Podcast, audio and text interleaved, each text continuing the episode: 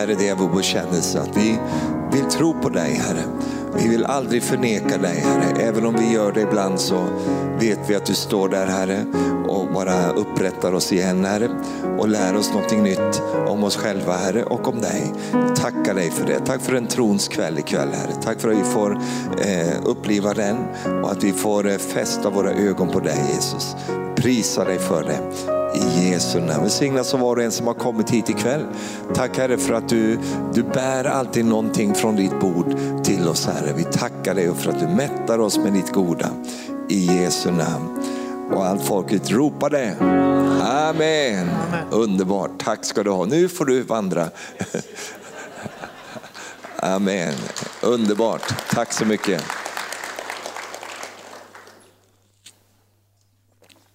Som jag brukar säga när jag kommer hit, det är alltid en glädje att komma till arken. Det är alltid pigga människor och pliriga ögon och mycket liv. Halleluja. Och det är alltid också saker som ni står inför hela tiden och det är väl ett livstecken det. Amen. Precis kommer förbi en utmaning och så står det en ny där och väntar. Och så är det när vi följer Herren, det, det, det är på det sättet. Men, men vi, vi, får vandra med honom i den här sköna friden som han ger oss. Att, eh, och också komma ihåg det att han var ju med förra gången. Och varför ska han komma på att han ska ändra sig? Nej, han ändrar inte sig. Liksom han var med förra gången så är han med den här gången och han kommer alltid att förbli trofast. Halleluja. Det är ju det som är vårt vittnesbörd om Herren, att han var trofast. Vi vet inte alltid hur han ska lösa saker, men han löser det, halleluja. Och det kommer han göra alltid i våra liv, är inte det härligt? Amen. Ja, men vi har ju talat här idag på Bibelskolan om prövningarna som vi möter i livet och det är ju ingen nyhet för någon av oss, det gör vi ju. Men hur vi möter dem, det är ju det som är Herrens undervisning till oss, att vi kan möta dem på hans sätt och på det sättet också faktiskt Eh, så kan det bli så att prövningarna blir inte en katastrof utan det blir en språngbräda in i någonting nytt för våra liv. Halleluja. För ordet prövning det är ju prov. Alltså en, man kan lika, när ni har bestått vad då? Just provet. Att vi, vi får göra ett prov för att kunna få examina och att vi kan få ett körkort och allt det där som vi får när vi har bestått ett prov. Och provet handlar ju om att bevara tron. Tron på Jesus, tron på honom, tron på hans löften. Eh, och, och, när vi har be, eh, liksom bestått det provet, för det står ju om en beprövad tro. Amen. Och det behöver vi i vår tid. Vi behöver en tro som har blivit prövad. Och det är den tron som är den äkta tron och den vaskas fram i den där smältugnen. När allt det andra slagget får vika undan så kommer den äkta tron, den, den, det äkta guldet fram. Halleluja, kan du säga amen till det? Jag ska ikväll tala om, eh, och det, det kommer ju in, det flikar in i det här som vi har hållit på med idag. Och sen fortsätter vi här under kvällen och imorgon. Men, eh, men eh, jag har haft, i många, många år faktiskt, så hade jag ett bryderi angående viss bibelsammanhang eh, som jag tyckte, jag, jag liksom fick inte riktigt grepp på det och du kommer förstå vad jag menar här sen när vi går in i texterna här. Eh, och det handlar ju om eh, den här eh, eller de här episoderna som var runt omkring den här fina sjön, eh, Genesarets sjö. Och eh, Genesarets sjö är ju en, en sjö som är känd för att vara lynnig. Precis som livet. Eh, det kan piska upp en storm från, från ingenstans och rätt vad det är så är det mitt storm från fint väder och rakt ut i en sån. Och det där vet jag, eh, eh, har jag sett med egna ögon för jag har bott vid den där sjön och sett hur den, den för, förändras så snabbt. Alltså. Och det är ju för att den, är, den, den ligger på en plats som gör att förhållandena kan skifta väldigt fort. Och, eh, och, Jesus var ju mycket runt omkring där. Han var runt sjön, han var på alla platserna runt omkring. Och han hade ju sin, kan man säga, sitt högkvarter i Kapernaum. Eh, och eh, han liksom var ju mycket där, hans mirakeltjänst var ju runt Genesarets sjö kan vi säga. Och han var ju inte bara runt sjön, han var ju, åkte ju på sjön också. Och han åkte inte bara på den, han gick på den och, och, och, och sådär. Och ah, många av de där sakerna är ju liksom ett, en beskrivning av hur Jesus förhåller sig till våra liv. Om du kan se det på det sättet. Och eh, då är det en, en berättelse här. Ibland så åkte Jesus båt över sjön. Och, och, Det finns en härlig berättelse eh, om hur han åkte eh, och då tog han med sig en kudde. Och det där har jag också tänkt på många gånger. Att, och så som, alla andra var klarvakna men han sov. Han. Man kan tycka att han var nästan nonchalant till den här stormen som dök upp där och det piskade in vatten och allt möjligt där. Eh, och, och, och han vaknade inte av stormen. Men det gör du och jag. Men Jesus han sov så gott, vet du, så stormen väckte inte upp Jesus utan det gjorde de. De fick väcka upp honom. Och när de väckte upp honom så var han lite, men varför gör ni så här? Varför är ni rädda? Det, det mest naturliga i världen är ju att vara rädd, men det tyckte inte Jesus riktigt. Utan varför är ni rädda? Underförstått, jag är ju här. Och jag har ju sagt att vi ska åka över, så vi kommer över. Det är inte säkert vi är torra när vi kommer över, men, men över kommer vi. Och det gjorde de också. De kom över. Men eh, nu ska vi titta på en, en, en av, av de andra tillfällena här när Jesus eh, förhåller sig till lärjungarna på den där sjön. Och, eh, det står om det i Johannes 6 och vers 16. Nu finns den här berättelsen på flera ställen, den finns i Markus, den finns i Matteus och den kommer ut lite olika på de olika platserna och det är det som är så fräscht med evangelierna därför att eh, varje evangelium har ju liksom eh, sin vinkling och, och, lite sina infall som är lite annorlunda. Men sammantaget så får vi en full berättelse och det vill jag gärna dela med mig av här ikväll. Då. Men vi utgår ifrån Johannes 6 då, i vers 16. När det hade blivit kväll så gick hans lärjungar ner till sjön och de steg i en båt för att fara över till Kapernaum på andra sidan sjön. Det var redan mörkt när de åkte och Jesus hade ännu inte kommit till dem. Det blåste hårt och sjön började gå hög och när de hade kommit ungefär 25 eller 30 stadier ute ungefär i mitten på sjön, ja, det är faktiskt större delen av själva, ja. så fick de se Jesus komma gående på sjön och närma sig båten och då blev de förskräckta. Men han sa till dem, det är jag, var inte förskräckta. Och de skulle just ta upp honom i båten men då var den redan framme vid den plats dit de var på väg. I Markus 6 så har vi samma berättelse, kommer fram lite annorlunda där. Och det, det var det som var mitt bryderi, just den här delen av eh, berättelsen. Då. Då står det att Jesus var uppe på berget för att bedja och i vers 48 så står det så här i Markus 6. Han såg hur medtagna lärjungarna var av rodden därför att de hade vinden emot sig. Vid fjärde nattväkten kom han till dem gående på sjön. Han skulle just gå förbi dem. Och då tänker jag, va? Är han inte på väg till dem? Nej, han skulle just gå förbi dem. Men när de fick se honom gå på sjön så trodde de att det var ett spöke eller en vålnad och de skrek. Ty alla som såg honom blev förskräckta. Men han talade genast till dem, var lugna, det är jag, var inte rädda. Han skulle just gå förbi dem. Jesus, vem är du? Jag hade ju tänkt att du skulle komma till mig nu. Du ska, så ser du inte mig? Men här, här är Jesus och det är full storm där och han kommer att gå på sjön och båten liksom kränger hit och dit. Så kommer Jesus och går och så går han bara, tjena. Det är liksom, när jag har läst det här faktiskt i många år, jag vill inte läsa den delen utan jag, jag körde den i Johannes där för jag tyckte den känd, det var lite mer min barndoms Jesus och han kommer till mig när jag har problem och, och, han liksom, och, och han hittade mig, han fann mig och allt det där. Han skulle just gå förbi dem. Vem är du Jesus? Alltså det här har jag, jobb, alltså, jag lovar dig, jag har jobbat med de här texterna, jag, för jag, jag, jag, tycker inte om när jag inte riktigt har grepp på vad det här betyder. Och därför så behöver vi fler än just den, den berättelsen. Vi behöver Johannes och vi behöver Matteus också. Eh, I Matteus så har vi samma berättelse igen och i den berättelsen där, där får ju då eh, Peter, han får ju liksom Eh, det är Matteus 14 det. Eh, och det, det, det, är samma berättelse egentligen. Och eh, då när de, när, han, när de fattar att det är Jesus som står där, då händer det någonting i Petrus. För det är något med Petrus och det kommer jag tillbaka till här ikväll.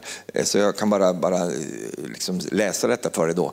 Vers 28. Petrus säger, Herre om det är du så befall att jag ska komma till dig på vattnet. Och Jesus säger, kom. Och Petrus steg ur båten och gick på vattnet fram till honom. Det är, det är viktigt att ha med sig, fram till honom. Så här har vi tre berättelser som, som handlar om samma sak och de kommer ut lite olika. Och vi ska då utifrån det här nu då eh, lotsa oss igenom och se vad vi kan finna här som har med våra liv att göra. Och eh, det börjar ju då i Johannes, så, så står det ju att de, det var mörkt när de åkte.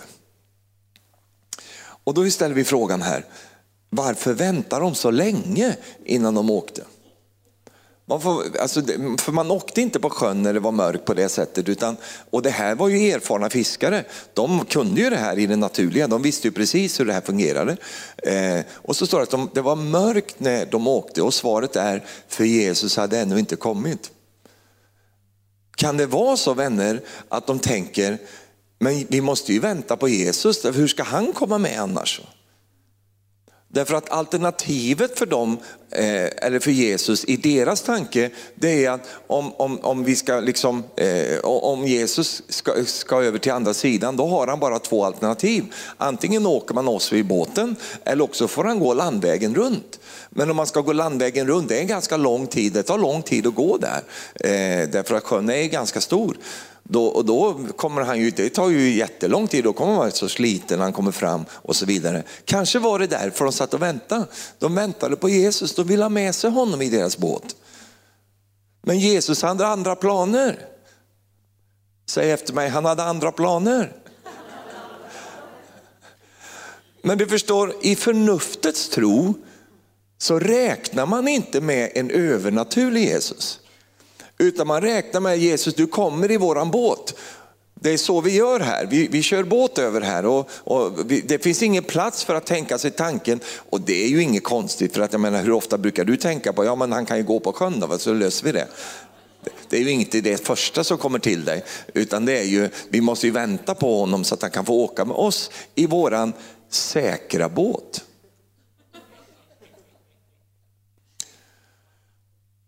Och det är just det som är lite utmanande med Jesus, därför att Jesus han är inte begränsad till det du och jag är begränsade av.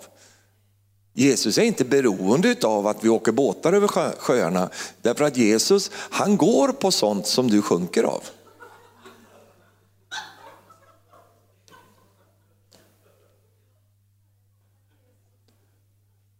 För det är ingen vilken som helst Jesus vi har att göra med. Vi har att göra med en övernaturlig Jesus. Vi har att göra med en Jesus som faktiskt råder över elementen. Vi har en Jesus som, som faktiskt inte är beroende av sånt som du och jag i det naturliga är helt och hållet beroende utav. Och, och därför väntar de så länge, därför att de hade en förnuftsmässig tanke om hur denne Jesus skulle vara med dem. Och därför så blev det också väldigt vanskligt, svårt för dem, norsk, vanskligt, språkgeni. Va? Det var väldigt svårt för dem att, att liksom förstå att det är Jesus som kommer och går på sjön här. Därför att det fanns inte i deras begreppsvärld. Det för, och det var väl därför de blev så rädda. Därför att det, det måste ju vara ett spöke det här. Alltså det, man kan, kan ju inte gå på sjön. Så det, de kopplar inte det med, för de hade ju bara varit skilda från honom i några timmar. Och det är märkligt att de inte kände igen honom. Men därför att nu är det en ny miljö, en miljö och ett sätt som de inte är bekanta med. Och därför är det också så, även idag när Jesus kommer så är det inte alla som känner igen honom. Varför då? Därför att han kommer ibland på ett sätt som inte du och jag har räknat med. Och så var det för lärjungarna där, att det, han, fick, han kom på sjön, han gick på vattnet. Och varför då? Jo, därför att det var så han hade tänkt att han skulle eh, eh, navigera här. Men det var inte så de hade tänkt det. För de tänkte ju att han måste ju åka med oss här nu. Men du förstår Jesus, som jag sa förut, han är inte begränsad av dina begränsningar.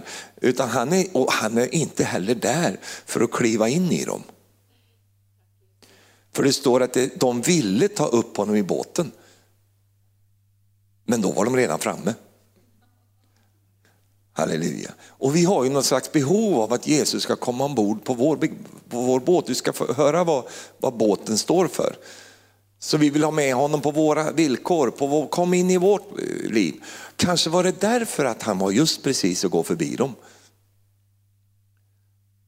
Därför att han var inte så intresserad av att hoppa upp i den båten. Han var kanske inte ens där för att göra det. Han kanske var där för att kalla dem ut ur sina begränsningar, för att följa honom på hans sätt och inte på deras sätt. Nåväl, och eftersom de åkte då så sent så åkte de rakt in i stormen.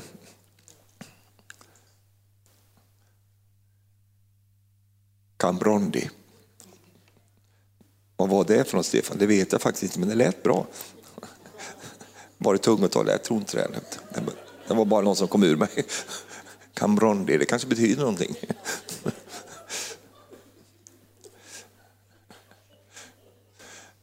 Så bara för att eh, landa färdigt i den här första tanken där, när det var mörkt när de åkte. Förnuftstron. Va? Förnuftstron klarar inte prövningen. Den funkar bara så länge det funkar. Den klarar inte liksom de här extraordinära omständigheterna, den, den tappar konceptet fullständigt. Allt det där vet ju Jesus och därför vill han utmana oss där så att vi ökar vår tillit till honom så att han faktiskt får vara den han redan är i våra liv. Alltså, det är inte så att Jesus vill bli som du, säg tack och lov. Utan själva planen är att du ska bli som, just det, han. Det är det som är själva idén med det här. Det är inte att han ska krypa in i din lilla begränsning utan att han ska hämta ut dig ur din begränsning så att du börjar vandra på, med honom som kallas för att gå på vattnet. Halleluja. Och det, det, det, det är därför han kommer och det är därför Jesus är inte helt lätt att ha att göra med. För en del har ju den där tanken, ja, men nu kommer han till min lilla båt och så sätter han sig där och så har vi så kosligt där och så kan jag bjuda på kaffe och en bulle, det ska bli lite trevligt här nu. Så kom Jesus till mig och, och, och, kom in i mitt liv. Och det finns ju en tanke där som, som vi inte ska störa, därför att det, det är klart att han älskar dig och älskar, kanske inte det du sitter i, men han, han älskar ju dig, han kommer ju till dig, det, det fattar du va. Ja, så han är inte någon elak och sån, utan, men det är bara det att han vet så mycket mer och han är där för att hämta dig och göra dig fri från dina begränsningar. Amen. Tack Jesus. Nåväl, så de, de, de väntade så länge så därför så hamnade de i den där stormen. Och när de då hamnade i stormen så började de ju, eh, fick de ro ännu mer. Och då blev de slitna. Varför blev de slitna för? Medtagna? Jo, därför att de hade vinden emot sig. Och där har du varit många gånger och jag också, man har vinden emot sig. Och det är ju så att när man gör saker bara förnuftsmässigt och gör saker så som man, man själv har bara räknat ut, så blir det slitsamt för det är jobbigt och strävsamt att jobba i sin egen kraft. Det går väl bra när det inte är någon, någon blåsigt och någon storm. Men, men och både du och jag vet ju, det är ju väldigt sällan det är så där kavlugnt och vindstilla och allt sådär. Det är bara på bilder det är så. Men själva livet så är det ju fullt av vågor och motvind och allt det där. Det har ju blåst väldigt mycket de sista dagarna, har du märkt det? Vi, vi bor i Huskvarna vet du, och där vi bor lite högt upp. Och du vet, det blåser något fruktansvärt, man tänker hela taket blåser bort här nu. Det gör det ju inte, men det känns så. Och det blir så kallt in i huset också när det blåser. Man får ju elda som en galning. Men jag har tänkt mycket på det när det blåser och sådär, det är vind, motstånd och, och, och sådana här saker. Det gjorde det här nu. Och då, då ser Jesus att de är medtagna av den här rodden, för de hade vinden emot sig. Och så blir det, när vi, när vi jobbar och sliter i egen kraft, då blir vi slitna, vi blir trötta, vi blir uppgivna och vi får eh, liksom använda extra mycket energi eh, därför att eh, vi gör saker som i och för sig är rätt. Men vi gör det utifrån en fel plats i våra liv. Eh, vi gör det i vår egen kraft istället för i hans underbara, härliga kraft som verkar i oss. Halleluja. Men mitt i allt det där då så bestämmer sig Jesus för att komma. Då kom Jesus står det. Och då blev det ju inte halleluja och någon sån här halleluja moment där. Utan då blir det ju skrik och vånda. För då tänkte de att det är ett spöke som kommer. Och då är han tvungen att hjälpa dem med det genom att använda Guds namnet och säga jag är. Och det där är inget nytt som vi ser i evangelierna. Jesus använde ofta det när han talar om sig själv. Jag är, säger han. Alltså inte jag blir, jag är. Jag är dörren, jag är livet, jag är, är här. Halleluja. Var inte rädda, jag är, är här nu. Amen. Så då bryter Jesus fruktan över de här lärjungarna och det är så viktigt. Därför att om du ska ha frukt i ditt liv så måste du först bli av med fruktan. För frukt och fruktan är inte kompisar. Gud vill att du ska få se frukt av ditt liv och därför vill han befria dig från fruktan. Halleluja. Den där rädslan, den där oron som, som Linda vittnar om här, som, som när det kommer olika saker. Vad är det första som slår emot oss? Vi blir rädda. Va? Och det är mänskligt att vara sån.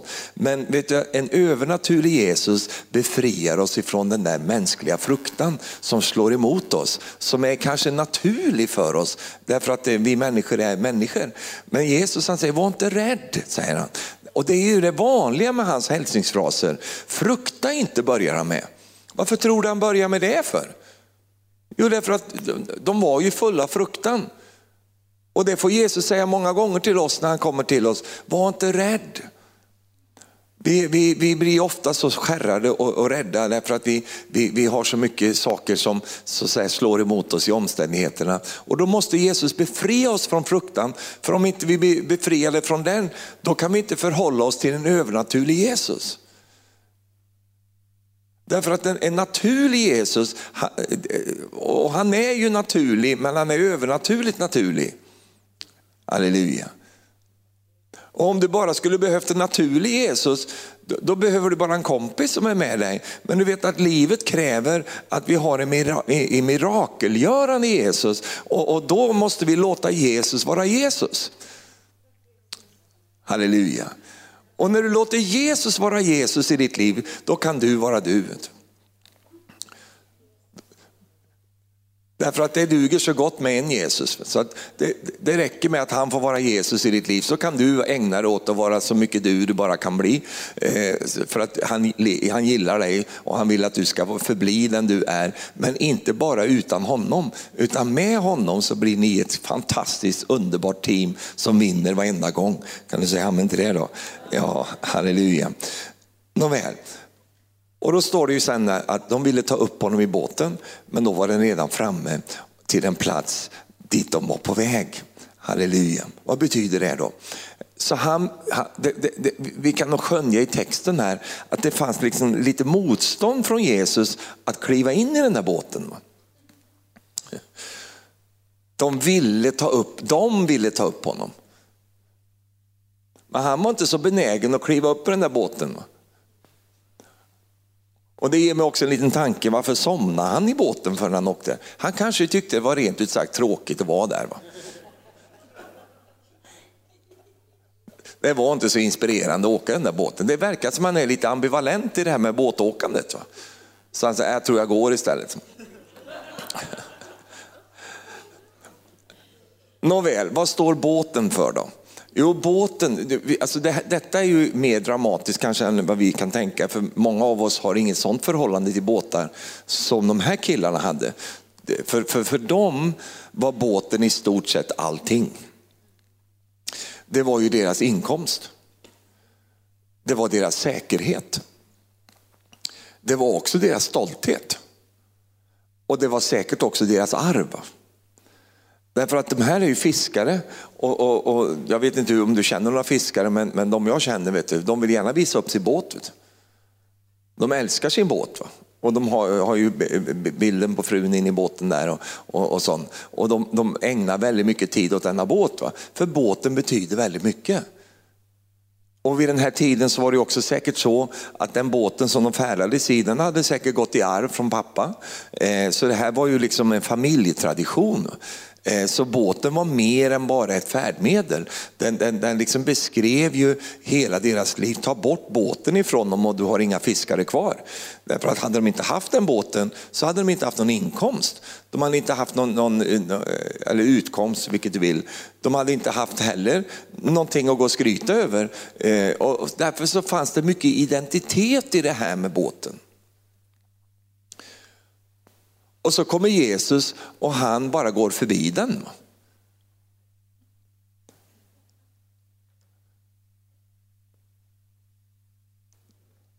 Därför att båten, när jag ska följa Jesus, kan faktiskt bli min begränsning. Därför att det är ofta min tillitsplats. Och i ditt fall, jag vet inte vad du tänker på när jag säger alla de här sakerna. Vad är din båt för någonting? Vad, vad står det för i ditt liv? Det kan vara din, dina, ditt arbete, det kan, det kan vara liksom din, dina meriter, det kan vara det du har varit med om i livet och allt det. Sammantaget så blir det båten. Och därför, så när vi ska eh, avsluta den här predikan ikväll så finns det en underbar berättelse också när Jesus möter Simon Petrus och hjälper honom att få fisk. Den är, den är, han hade ju valt fel jobb alltså, för han fick ju aldrig någon fisk den killen. Den enda gång vi läser om att han får någon napp det är ju när Jesus hjälper honom. Och då hade ju Jesus liksom lånat hans båt så han, han satt ute i båten och predikade för folket. Och det är Lukas 5 det här. Och, och sen när han var färdig så säger han, nu kan ni kasta ut nätet på djupt vatten så ska ni få fångst. Och då säger Simon Petrus, ja men vi har jobbat hela natten men vi har inte fått någonting. Men på ditt ord så vill vi göra detta. Så gör de det och så får de en jättefångst. Och sen så kommer han ju till Jesus och då säger Jesus, frukta inte Simon, för härefter så ska du fånga människor. Du ska bli en människofiskare. Och så står det, detta, jag kan ge dig det bibelordet på en gång, så står det så här i Lukas 5, vers 10. Jesus säger till Simon, frukta inte, härefter ska du fånga människor. Och så står vers 11 här, och de drog upp båtarna på land och lämnade allt och följde honom. Alltså, detta är väldigt dramatiskt. Därför att det indikerar att nu släpper jag det här som har varit hela min trygghet och min stolthet och min framtid. Det drar jag upp på land. Du ser de där två spåren i, i sanden? Och så har du två stycken som, som, eh, jag vet inte om det var två, det kan vara flera båtar, som bara följer efter en för dem ny bekantskap. En Jesus de aldrig har träffat förut. Och nu så börjar de vandra med honom in i en ny tid. Du förstår, om du och jag ska följa Jesus så, så finns det alltid en utmaning. Vad gör vi med båten?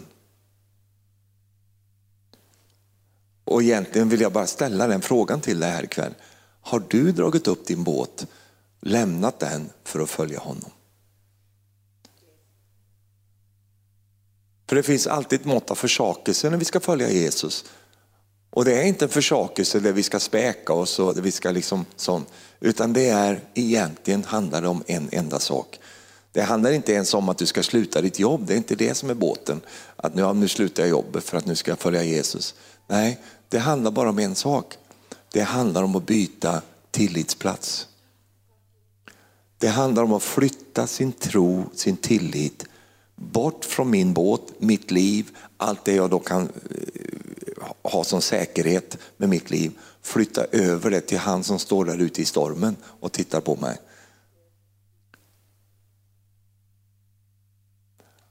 Och Jag tycker det är så underbart det vi har läst nu redan här i Matteus. Alltså denne Petrus, när han fattar att det är Jesus som står där ute så sker det någonting i hans inre. Helt plötsligt så vill han bara, jag vill ut dit ut. Han är den enda som faktiskt har en riktig respons här. Och vi har ju beskyllt honom för att han är överspontan och, och allt det där. Kanske inte vi har gjort, men, men, men liksom, historien runt Petrus det är ju det att han, att han är sån här. Men du vet att han är den som faktiskt hade en rätt respons här. Ingen av de andra ville ge sig ut där, men Petrus ville detta. Det var något i den här killen, alltså det, för mig är det inte förvånande att han blev den som faktiskt fick vara med och dra igång detta underbara som kallas för församlingen och evangeliet som skulle ut. Eh, det är inte för mig, även om vi ser att Petrus hade sin personlighet och allt det där, men det fanns något annat i Petrus som också någonstans finns i dig och mig. Det är bara det att vi behöver ta gensvara till det och våga kliva över relingen på vår egen trygghet och till vår egen liksom, eh, tillit och, och, allt det vi har. Och så våga ge oss ut på okänt vatten där, som vi vet i det naturliga inte ens håller att gå på. Men därför att vi har upplevt någonting från han som står där ute och bara pratar till mig så blir det en koppling till mitt hjärta. Halleluja. Och den kopplingen är inte förnuftsmässig. Den kopplingen är inte att jag kan räkna ut det här nu, utan den kopplingen är från hjärta till hjärta. Halleluja. Och så säger denne, denne härliga killen säger så här, Jesus, om det är du, säg att jag får komma. Då förstår vi att han inte är svensk. För han hade ingen flytväst och visselpipa och allt sånt där. Liksom, utan han var bara han var gensvara så här. Och allt hade bara blivit patetiskt och hopplöst och jobbigt om det inte hade varit så att Jesus svarar och säger kom. Tror du Jesus visste att det här skulle landa i att han blir blöt här Petrus? Det är klart han visste det. Han visste ju allting. Och ändå så säger han kom. Och du undrar, så, men jag har ju varit följt Jesus, jag har gjort massa saker här. Och så sjönk jag mitt i allt det här också. Det är det som är i prövningen, vi upptäcker att vi, oh, jag sjunker. Och då säger så kära någon alltså, det kanske var fel att jag gjorde det här.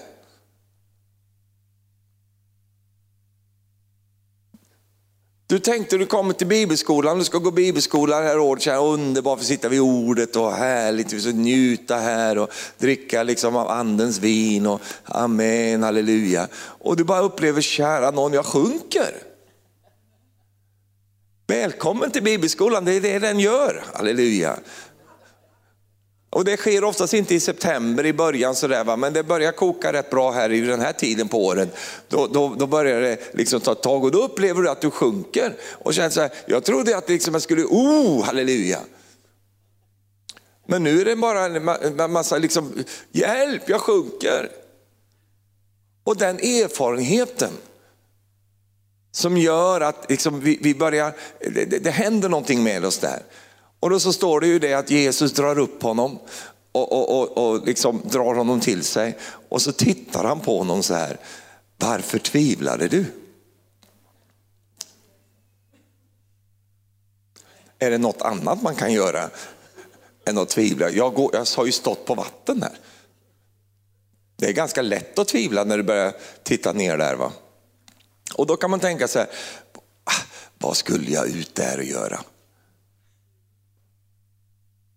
Men han som stod där ute sa, välkommen, kom du. Halleluja. Och det gör han ganska ofta i våra liv. Det är inte så att Petrus sa, om det är du, kom till mig. Utan Petrus säger, om det är du får jag komma till dig. Amen. Jesus kan du komma in i min båt och så åker vi tillsammans här nu. Och så är du med mig här. Gå inte härifrån Jesus, var här nu i min, min båt. Och Jesus säger tack men nej tack. Jag vill inte vara i din lilla båt. Han vill inte vara i mitt liv. Jo, det vill han. Men han vill att ditt liv ska vara i hans liv. Och därför finns det alltid ett mått av utmaning med Jesus som gör att liksom man, man känner, att han kallar mig ut. Va? Han kallar mig ut på det där som jag inte kan råda över. Men det verkar som han ordnar det. Det verkar som han kan stå på det där vattnet. Och så länge jag liksom tittar på honom, då bär det för mig också. Men när jag börjar titta på vågorna och allt det där, ja då vet du vad som händer, då börjar vi sjunka. Och det får vi upptäcka i våra liv, att det börjar sjunka också när vi, när vi flyttar fokus bort från Jesus och, och istället har den på oss själva. Då är resultatet att vi sjunker. Och vad händer när vi börjar sjunka? Två saker händer. Antingen så vänder vi oss till Jesus som drar upp oss igen, eller också så simmar vi tillbaks till vår båt. Och det är många som har gjort det kan jag tala om för dig. Det är många som har, de har varit där ute men sen så börjar det hända saker. För prövningen kan också ibland göra att jag faktiskt drar mig tillbaks till båten. Eller också kan prövningen göra att jag kommer närmare Jesus.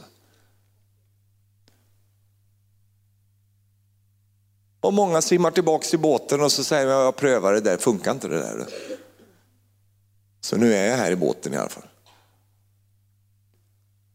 Och så får det bli på det här sättet. Och det är alltid ett, ett sorgstänk över sådana människor. Det är alltid någonting där man känner att åh, det är någonting som har gått miste. Och det upplever man aldrig med Petrus. Va?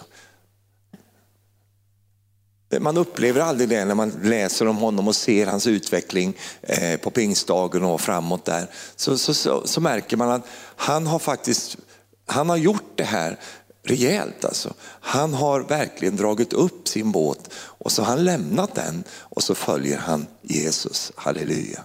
Amen. Och du och jag, vi står inför de där utmaningarna också. Ska jag vända tillbaka till min egen säkerhet? Ska jag vända tillbaka till det jag redan kan? Ska jag vända tillbaka till det? Eller ska jag fortsätta att söka mig till han som står utanför min båt? Och kallar på mig. Amen. Jag tror att du, du, du, du vet vilket svar som du egentligen vill ge honom. Men du vet också att det blir en utmaning med det. Halleluja. Ja, men hur ska det då gå med det här? Hur ska det bli med det här? Det är ju, det är ju där jag har min trygghet. Ja, men genom att vi gör detta så flyttar vi den trygghetsplatsen bort från oss själva och lägger den hos Jesus istället. För när allting kommer till kritan, hur säkert är det med den där båten egentligen?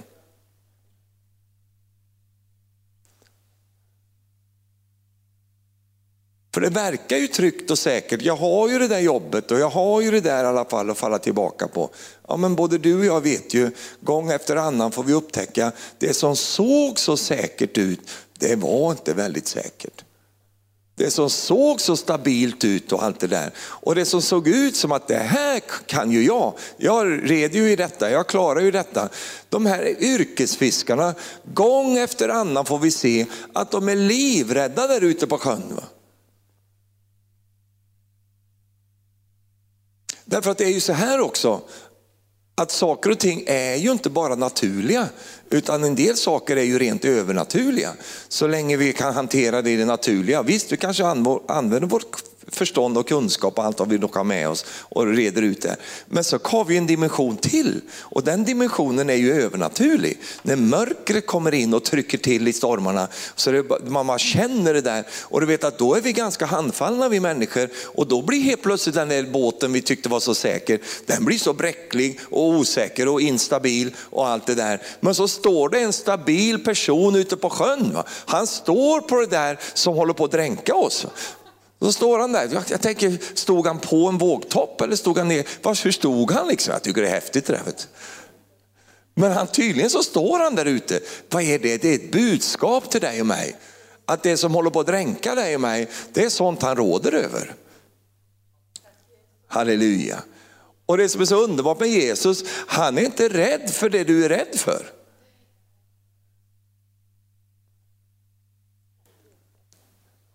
Halleluja. Jag kommer ihåg att jag sjöng en sång, vet jag och Robert sjöng en sång för många år sedan. Så, han har ingen fruktan, han älskar dig. Sen kommer jag inte ihåg mer. Men, men, men, han har ingen fruktan. Och bara det är ju väldigt unikt att möta en som inte har någon fruktan. Han vet inte vad det är för något. Han har ingen rädsla överhuvudtaget. Och när du kryper in till till honom så händer något med dig också. Halleluja. Världen säger du borde vara rädd. Frugan säger du borde skaka i knäna nu. Men Jesus säger, här behöver du inte vara rädd hos mig. det här kommer att gå vägen, vet du. det här kommer att gå bra. Och varenda berättelse i evangelierna visar på att det var verkligen så också. De kom över. Halleluja. Du kan välja vilken berättelse du vill med den som när Jesus är i båten och den när han kommer till båten eller den när är på väg förbi båten. Alla har samma slut, de kom över. Halleluja. Och det kommer du också göra, du kommer att komma över, halleluja. Du kanske tycker att du håller på att sjunka nu, men det gör du inte. Därför att det, du kommer istället komma till en ny upptäckt att det du och jag trodde var så stabilt och kraftfullt och, och, bärande hade ingen riktig bärkraft i alla fall. Så det kan vi lika gärna bara säga, nej men jag släpper den här nu och så vandrar jag med honom. Det ser kanske lite osäkert ut i omständigheterna, det kanske inte ser så tryggt ut, men det visar sig vara den verkliga stabiliteten i en värld som gungar upp och ner i vågorna och i stormarna och allt det där. Så finns det en som aldrig eh, skiftar, som aldrig liksom går ner, utan alltid är stabil. Och det är han som kallar dig ut ur din begränsning. Halleluja, prisat vare Gud. Flera av er här, du har kommit till bibelskolan, du är här nu. Du tog ett steg i tro. Och du flyttade hit och så är du här nu och du säger, kära någon, varför var jag så spontant för? Och nu hamnar jag mitt i massa utmaningar här. Välkommen till Petrusklubben. Halleluja. Amen, här är vi alla lite blöta. Välkommen! Amen, halleluja. Du ska inte se ner på dig själv och tänka så här, hur ska, varför gjorde jag så här? För jag skulle ha tänkt igenom det här. Och det är väl svenskheten i dess prydno, att vi ska ha både hängslen och svångrem innan vi ger oss iväg. Men du förstår att Jesus han, han, han, han är utmanande. Och, och, så tänker jag, oh! Och jag tycker det är lite kul också, det står att han kom fram till Jesus. Alltså det var jobbigt att vända tillbaks nu också. När han märkte att den började sjunka, och det är långt tillbaks till den här båten också. Och jag känner rent profetiskt, där är någon ikväll. Du är där med ditt liv. Du har, klivit, du har gått en bit nu och så börjar det sjunka. Och du vet vad? Jesus är närmare än båten. Han är precis där han. Vet du. Oh, oh, oh, halleluja. Jag kommer ihåg när jag skulle gå bibelskola i Uppsala, det var 1983, så gick jag där. Och då, var jag lite så spontan, vet du, och kände halleluja, nu ska vi gå bibelskola. Då ryckte vi upp från lilla Finnerödja där jag kommer ifrån. Och sen så flyttade vi dit och hade liksom, amen, halleluja. Jag hade mina föreställningar om hur det skulle bli. Så kom jag till denna stora stad, vet du, Uppsala. Det var ju jättestort för mig. Jag hade aldrig varit utanför sockengränsen. Jag, jag blev ju nervös när jag åkte förbi 50-skyltarna. För det, det, är liksom hit, men inte längre. Det var ju liten, det är ju bara tusen invånare där. Vet du. Och sen hade jag min fina mamma, vet du, det var ju tryggheten i livet. Eh, och så. så jag var inte van med det här. Och jag var inte van med mycket folk heller. Utan jag var ju med i en liten församling liksom. Och där, det, där, det var ju så kusligt där vet du, och mysigt. Vi satt där och sjöng och tanterna de var så goa mot mig. och så där, För det var ju en ungdom där, det var jag. Så de tog hand om mig väldigt och så där. man fick goda bullar och liksom Stefan och sådär. Det var så mysigt på något sätt. Så här, va? Man känner sig omhuldrad. Va? Och mamma med sina köttbullar. Och, och det, det, var liksom, ah, jag, jag verkligen trivdes där. Och så, så, men då kände vi det kallet, va? att det, liksom, nej, men det här vill jag ha mer utav. Jag fick ta på trosundervisningen och kände, oh, jag vill ha mer utav det här. Så då bestämde vi oss, då, vi flyttar upp dit. Då. Och då var ju det, det var inte så, så, mycket folk där då som det blev sen. Utan det var ju, men för mig var det ju enorma mängder. Va? Jag blev ju svimfärdig när jag såg alla människor där. För jag var ju van med en liten grupp om fem, tio stycken som sjöng enkla sånger. Vi sätter oss i ringen, tar varann i hand. Vi är en massa syskon som tycker om varann. Och Gud är alla... Sådana sånger höll på och sjöng. Och det lilla ljus jag har, det ska få lysa. Det var så mysigt det här med lilla ljuset. va. Och så ett litet ljus också. Så sitter vi här och så lyser vi upp i vårt lilla rum här. Det var liksom hela min upp, upplägget var ju sånt. Och så kom jag till, till eh, bibelskolan, skulle starta där på, på hösten och jag kom på våren där och vi hade flyttat dit och så. Och det var så mycket folk. Det var så, oh, så, här, va. så jag kände mig så här som en liten mus. Va? Och, så, och då tänkte jag så här, och sen var det andra saker som hände och jag tänkte, nej, det, vad har jag gjort för någonting? Nej, jag åker hem igen. Jag åker tillbaka, för det här blir för jobbigt för mig.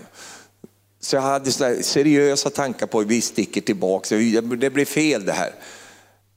Men det var långt till Finneröja. Det kändes långt bort. Alltså. Och jag är ju till denna dag så tacksam att jag fick nåd att inte gå tillbaka till båten utan vara kvar i det som Herren hade lett mig till. Alltså det är jag, jag kan tacka Jesus varenda dag för det. Därför att det innebar ju för mig att jag fick komma ut på det där vattnet. Komma ut till honom som stod där och, och, och sen som tog mig vid handen. Och varenda gång jag har sjunkit, för det har jag gjort många gånger, så har han ju dragit upp mig. Men han har aldrig lett mig tillbaks till mina begränsningar. Han har alltid sett till att Stefan, du lärde dig något nytt här ute med mig. Du lärde dig att du sjunker när du börjar lita på dig själv. Då sjunker du. Då, då kommer du in under tyngdlagen. Men vet du, när du litar på mig, då är du inte beroende av tyngdlagen. Du kommer inte att sjunka, utan du kommer att vara stående och du kommer att komma igenom. Och det har jag fått upptäcka varendaste gång. Halleluja. Så prövningen i våra liv handlar om det här. Det handlar om vem, eh, som norrmännen säger, vem stoler jag på egentligen? Det är ju ett märkligt uttalande. Stoler. Men det har jag ju min egen tolkning på. Alltså var har jag min stol? Var sitter jag någonstans? Har jag min stol hos mig själv eller har jag min stol hos Herren? Och då handlar det om att gång på gång i prövningen få göra en ny bekännelse, en ny överlåtelse till denne Jesus och säga Jesus, jag lämnar världen och följer korset. Alltså man får göra den över, inte bara en gång, utan flera gånger i livet får man säga, okej okay, Jesus, nu kallar du mig upp på en högre nivå. Nu har jag blivit lite bekväm i det här, jag kan det här nu och då har det blivit min båt. Och då säger Jesus, kom nu, det är dags att ta ett nytt steg. Det är dags att lämna det och så sätta din hela förtröstan på mig igen. Och allt folket sa, och det goda i de här prövningarna som vi har, det är just det att det hjälper oss att fortsätta att tro på Jesus. Det hjälper oss att fortsätta att inte ha sin liksom, tillit till det där som ändå är, vi vet ju det rent logiskt, som ändå är så bräckligt. Va? Som ändå är, det håller inte ändå. Så varför ens försöka? Men det håller att ha sin tillit till Jesus. Det håller i alla lägen. Amen.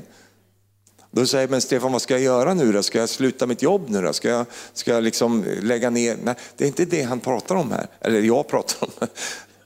Utan det handlar om att flytta sin tillit, sitt, sin förtröstan. Att gång på gång upptäcka det, vart har jag placerat den förtröstan nu? Sitter den hos mig nu igen eller sitter den hos Jesus? Och vet du vad? Prövningen hjälper dig att, hitta, att finna ut där. Prövningen talar om för dig var du har din förtröstan. Den hjälper dig med det. Och därför är vi tacksamma och faktiskt kan glädja oss i prövningen så att vi förstår detta. Ja just det, det blir en påminnelse för mig att hela tiden ha min förtröstan på Jesus som varje gång hjälper mig till en plats som jag skulle komma till. Kan du säga halleluja? Amen. Och det känner jag för, för ikväll att vi skulle bara du kanske behöver det rent akut, det vet jag inte. Men jag upplever många gånger i mitt eget liv, jag behöver liksom förnya i mitt liv min bekännelse till denne Jesus. Även om jag vet att jag följer honom jag tillhör honom och allt det där.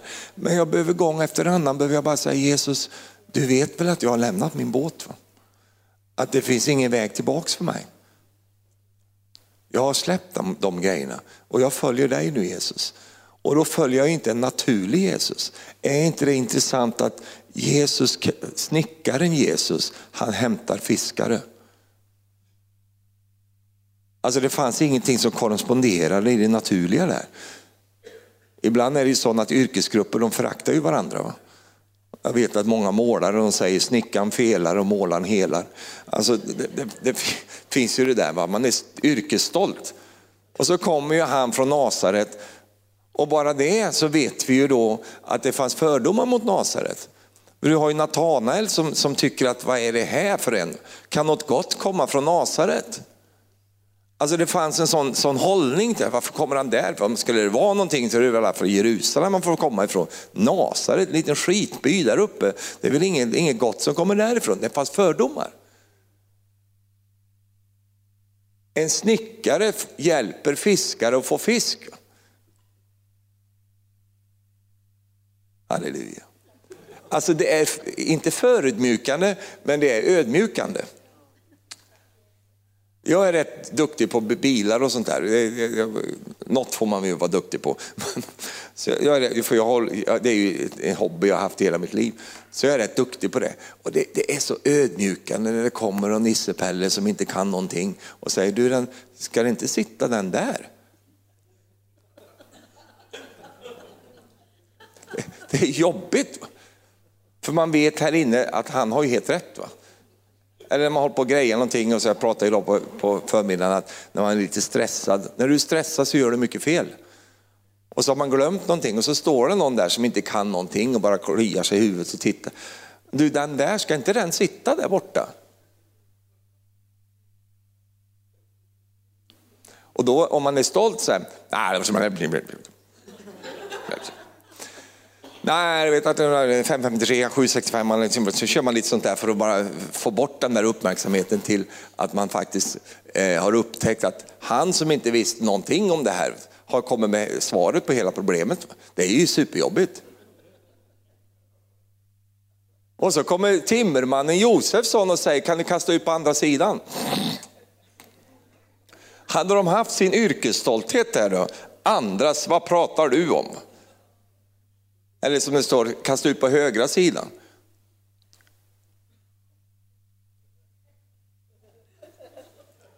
Vem tror han att han är? Vi är ju vänsterfiskare här. Vi är socialister allihop. Vi har alltid slängt åt vänster. Min pappa slängde åt vänster, men morfar också. Här är vi vänsterbåt det här. Jag sköt rätt in i, i, i deras stolthet. Va? Men det som är så skönt med de här lärjungarna, och det är därför jag tror att det var de som blev lärjungar, det var att jaha, ja ja, då slänger vi det där då. Och så slängde de på höger sida och då fick de massor av fisk. Är inte det fantastiskt? Då tänker jag, där har vi det, där har vi magin i det här. Vi ska ju slänga på höger sida, klart. Varför har vi slängt på vänster? Det är ju därför vi aldrig har fått någon fisk. Jag menar, fiskar är inte speciellt intelligenta. Har du tittat in i, i ögat på en torsk någon gång? Det är ju inte intelligens som kommer emot dig. Och du känner, oh, wow, den där du, den har jag respekt för. Det är inte så att fiskarna är där nere och säger, det kommer ner på vänster, vi vägrar åka in i det nätet där. Vi, nej, nej, nej, nej. Och så kommer det ner på höger, nu åker vi. Och så kommer han då, ja, nu är jag broderar ut det här, men jag tycker det är lite kul själv då. För ibland så är det ju så att, att just där, vi är ju inne på det här med prövningar, just där blir vi också prövade ibland. Nej, inte du alltså, men, men jag kan bli prövad på sånt där. När det kommer någon som inte kan någonting om någonting och har rätta svaret. Ett litet barn. Säger hur, klockrent precis som man ska göra. Och så står vi med all vår kunskap och yrkesstolthet och allt det där. Så kommer en prövning, ska jag lyssna på det här eller inte? Och Jesus var ju en stor prövning för väldigt många.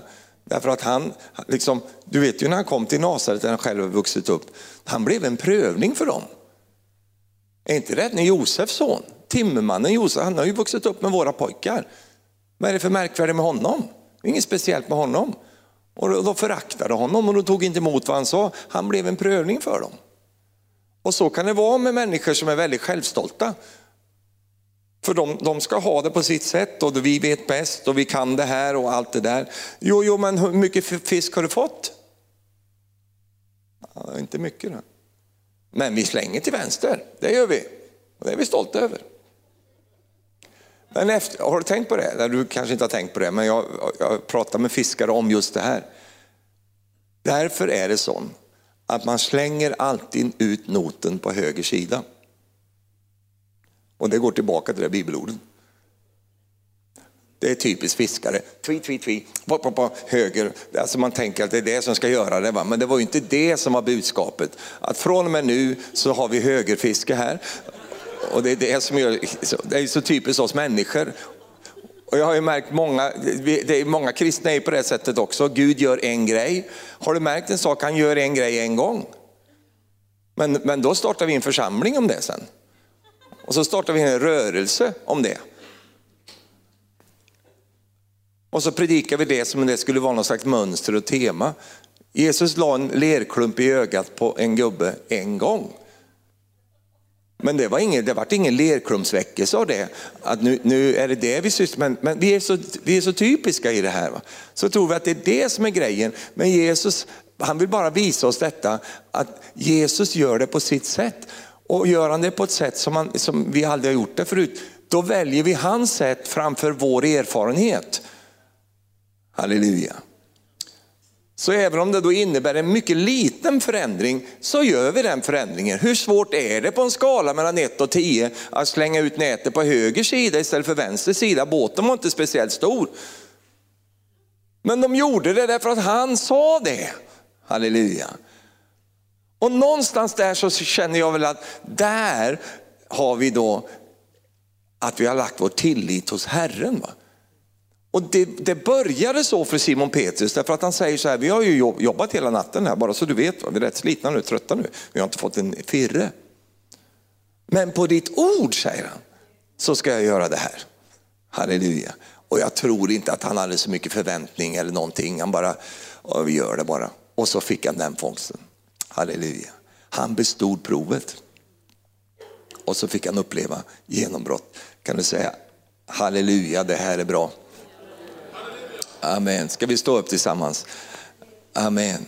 Jag tyckte det var så fin din sång där. Ni kanske har egna planer här. Nej, men alla kan komma, det är underbart. Vi ska sjunga mer här. Du, du, du, du hade så fina sånger, du kan köra allihop igen. Så jag kände så här ikväll, jag såg framför mig, eh, jag hade, fick som en bild framför mig inför det här Eh, mötet. Jag såg två båtar övergivna på stranden. Det finns inget som är så ledsamt som att se en sån båt ligga där. Den är inte gjord för det, så den ligger där helt övergiven. Och du vet att det är bland det bästa som kan hända, att vi är villiga att ta det där frimodiga steget och faktiskt dra upp hela vår tillit och lämna den för att byta plats för förtröstan.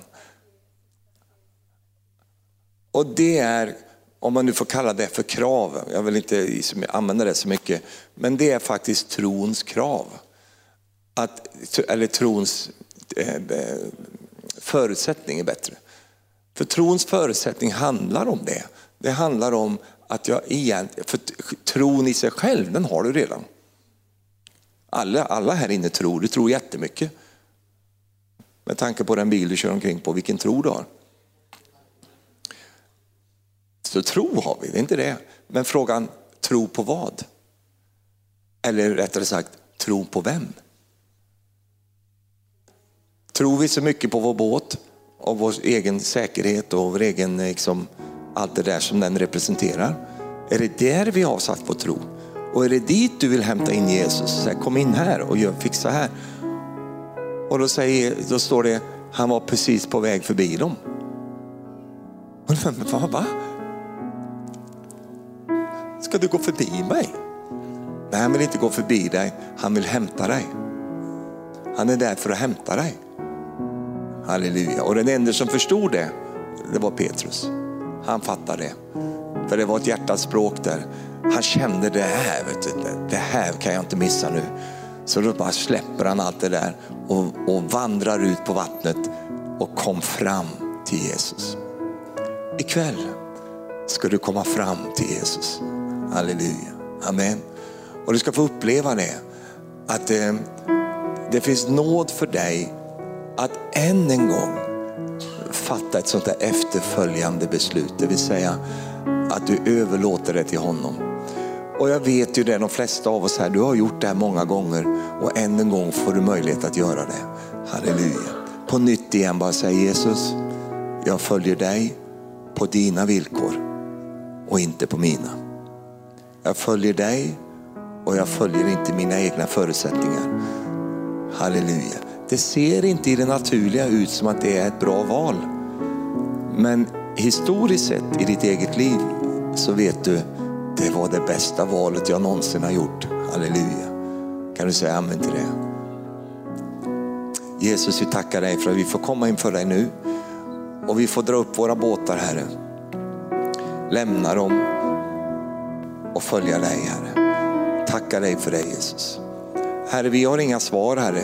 Vi kommer i lägen där vi inte vet hur vi ska lösa saker och ting. Vi är där gång efter annan, Herre. Men Jesus, tack för att lösningen sitter inte i våra resurser. De sitter inte i vad vi kan eller vad vi har med oss, Herre. De sitter hos dig, Herre. Och Jesus, tack för att du ger oss modet, Herre. Och du ger oss eh, en längtan att få röra oss ut, Herre, igen. Igen, Jesus. Jag prisar dig för det, Herre. Halleluja. Prisat vare ditt underbara namn, Jesus. Halleluja, Jesus. Halleluja, Jesus. Tack Jesus, tack Jesus, tack Jesus. Halleluja. Tack Jesus. Jag vill gärna bedja med människor ikväll som, som bara säger, ja Stefan, det är dags för mig. Jag behöver göra det här beslutet igen i mitt liv. Jag behöver verkligen förankra mig i Jesus med hela mitt liv. Kanske du är mitt i en storm, kanske du är mitt i en prövning, kanske du är mitt i liksom, eh, något som är eh, nytt för dig, obekvämt för dig och sånt. Eh, och du tänker att Jesus kan du inte komma in i mitt liv och i min, sätta dig i min båt. Och då säger Jesus, varför kommer du inte ut till mig istället? Kom ut här istället. Så ska du få uppleva hur du kan få vandra med mig på ett helt nytt sätt. Halleluja, prisat vare Gud. Amen. En enda gång så vände Petrus tillbaks till sin båt. Och det står om detta när han var i det här vakuumet mellan, mellan att få upprättelsen och förnekelsen. Så säger Petrus så här, jag går och fiskar igen. Och det är något sorgligt med det där. Jag kan se det framför mig han drar tillbaks båten i vattnet igen. Och så börjar han fiska. Vi har en hel generation som har gått och fiskat igen. De hade dragit upp båten och det följt Jesus så hände det olika saker. Och det verkar som det inte blev någonting. Och så säger de, jag går och fiskar igen. Jag tar upp det där gamla beteendet igen. Jag lever mitt gamla liv igen. Och det är alltid något sorgligt med det, därför att man får ju aldrig någon fisk där. Och de håller på att fiska där och det blev ingen fisk. Och så får de upptäcka, det står en man vid stranden. Vad är det för en man? Och han har gjort upp en eld och det finns mat där också. Och sen när de kommer lite närmare så är det Johannes och han ser vem det är. Han säger, det där är ju Herren. Och då händer det igen i Petrus som hände där ute vid stormen också. Han bara måste ut ur sin båt. Så han hoppar i sjön och bara plumsar i vattnet och så kommer han fram till Jesus. Och då vaknar Petrus igen. Det här som var hans liv, det hade fått nytt liv igen. Halleluja. Så därför så vet vi det, att ibland får man ta ett nytt steg och lämna sin båt för att följa Jesus. Och jag tror det var den sista gången som Petrus gick tillbaks till sin gamla båt. Av flera skäl. Dels därför att han inte hade tid med det sen. Det, det var ett helt nytt liv som kom för honom. Och det andra, det var att den tiden var över i hans liv. Och nu var det bara att följa Jesus. Amen. Tack Jesus. Så Herre, nu ber vi för var och en som, som behöver göra detta nu Herre. Åh Jesus, att på nytt igen överlåta sig till dig Herre. Att på nytt igen säga Jesus, hjälp mig att tro på dig Herre. Hjälp mig att tro på dig på en högre nivå Herre. Hjälp mig att tro på dig för nya ting Herre. Hjälp mig att eh, eh, vandra med dig på, på ett nytt okänt vatten Herre. Hjälp mig Herre. Åh Herre, jag kommer till dig nu Herre. Du kallar ut mig från, från mina egna begränsningar. Du bara säger till mig, eh, flytta din tillit över från det där och sätt den hos mig istället. Halleluja. Amen. Tack Jesus. Du som känner, be för mig ikväll. Det här vill jag göra. Jag vill göra detta nu, jag vill göra detta ikväll och jag vill, jag vill bara bekänna mig till Jesus. Han blir min båt, halleluja. Amen. Kom och ställ dig framme i sådana fall och så ska vi bedja tillsammans. Amen. Tack Jesus.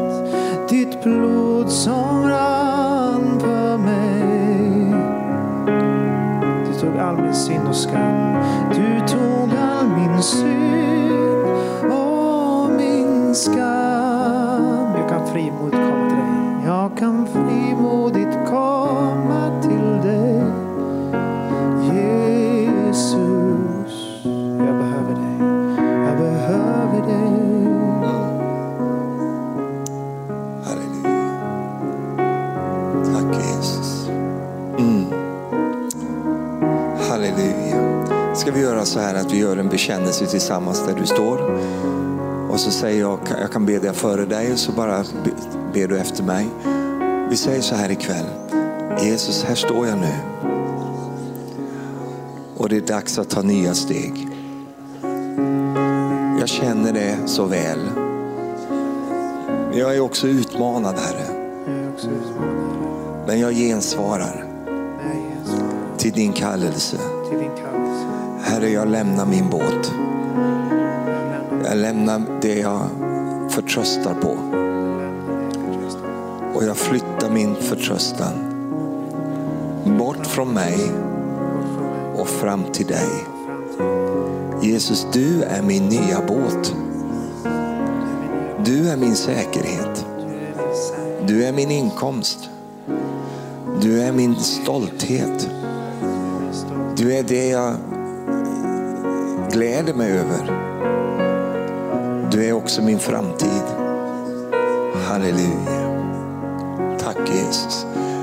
När jag eh, ser dig här så, så tänker jag så här. Jag vet inte hur det är med dig. Jag vet inte vilken, när du går i pension, vilken pension du får. Du får de där orangea kuverten och du får en mindre depression. Det var inte mycket, det var inte mycket du ska leva på. Och vet du vad? Jesus är din pensionsförsäkring. Halleluja. En annan sak också. Du kommer aldrig bli pensionär. Ge mig ett enda bibelord på att det finns pensionärer i Guds rike. Det finns inga pensionärer. Halleluja. Det finns äldre människor men det finns inga pensionärer.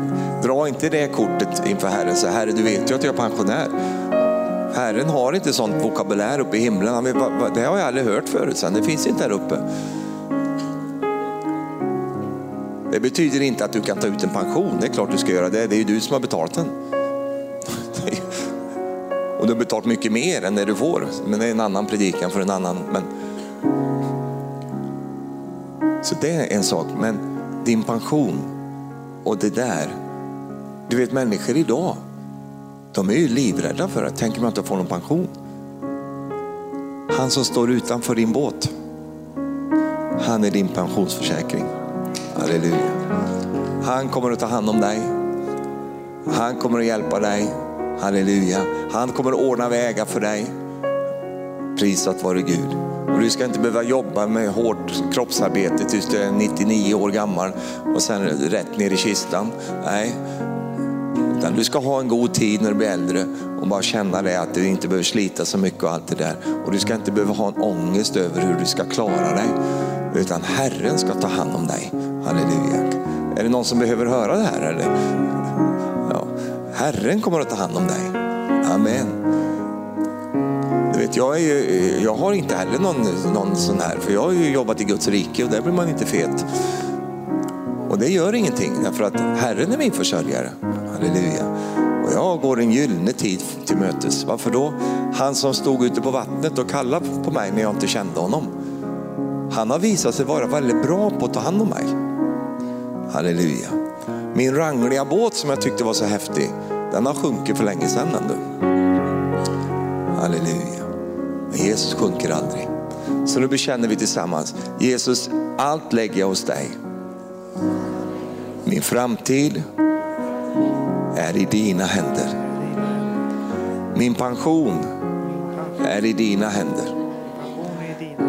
Allt jag ska komma in i är i dina händer. Jag lägger allt i dina händer. Och så vänder du dig om så här, lite profetiskt. med- Sån, vänder dig om. Och så säger du så här, båt, bye bye. Hej då min gamla båt, säg det. Och så säger du så här, och Jesus, säg primordet, Jesus, Jesus. nu kommer jag. Det får bära eller brista. Jag kommer nu. Och så tar du ett steg i tro bara där du är nu. Bara kliv ett steg framåt. Inget litet steg ett rejält steg nu. Ja, du får gärna ta två. Halleluja, amen. Halleluja. Underbart. Tack Jesus. Amen. Halleluja. Prisat vare Gud. Prisat vare Herrens namn. Amen. Och du ska få se. Jag bara upplever Herren säger till dig, du ska få se hur suverän Gud är på att ta hand om människor som har lämnat sin egen liksom, trygghetsplats för att lägga den över hos Herren. Gud är suverän på att ta hand om människor som gör det. Amen. Du vet inte hur, på vilket sätt. Det verkar ju märkligt det här, därför att det här funkar ju inte i det naturliga. Men Jesus är inte naturlig, han är övernaturlig. Halleluja. Amen. Tack Jesus. Prisat vare Herrens underbara namn. Kanske var det detta som Herren ville få fram i dig genom den, prov, den prövning som du har gått igenom. Att du någonstans blir som ett avvant barn inför Herren och du spjärnar inte längre mot udden utan istället så bara lämnar du över ditt liv till Jesus. Jag har märkt själv i mitt liv när jag har stått i prövningar att när jag kommer till den punkten där jag inser Stefan han måste dö. Vet. Han, han, det, det är liksom, du kan inte bygga runt mig själv. Och så lägger man bara över sitt liv till Herren. Och i den stunden har jag märkt många gånger så är prövningen över. Halleluja. Den tar bara slut för jag har bestått provet. Halleluja. Amen. Hjälp mig att tro på dig Jesus. Jag vill Vill inte förneka dig. Jesus, du betyder allt för mig. Jesus, jag älskar dig. Halleluja. Gör detta till din bön nu. Jesus, Hjälp mig att tro på dig. Jesus, jag vill inte förneka dig. Jesus, du betyder allt för mig.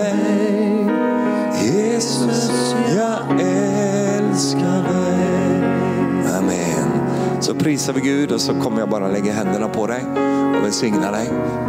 Halleluja, amen.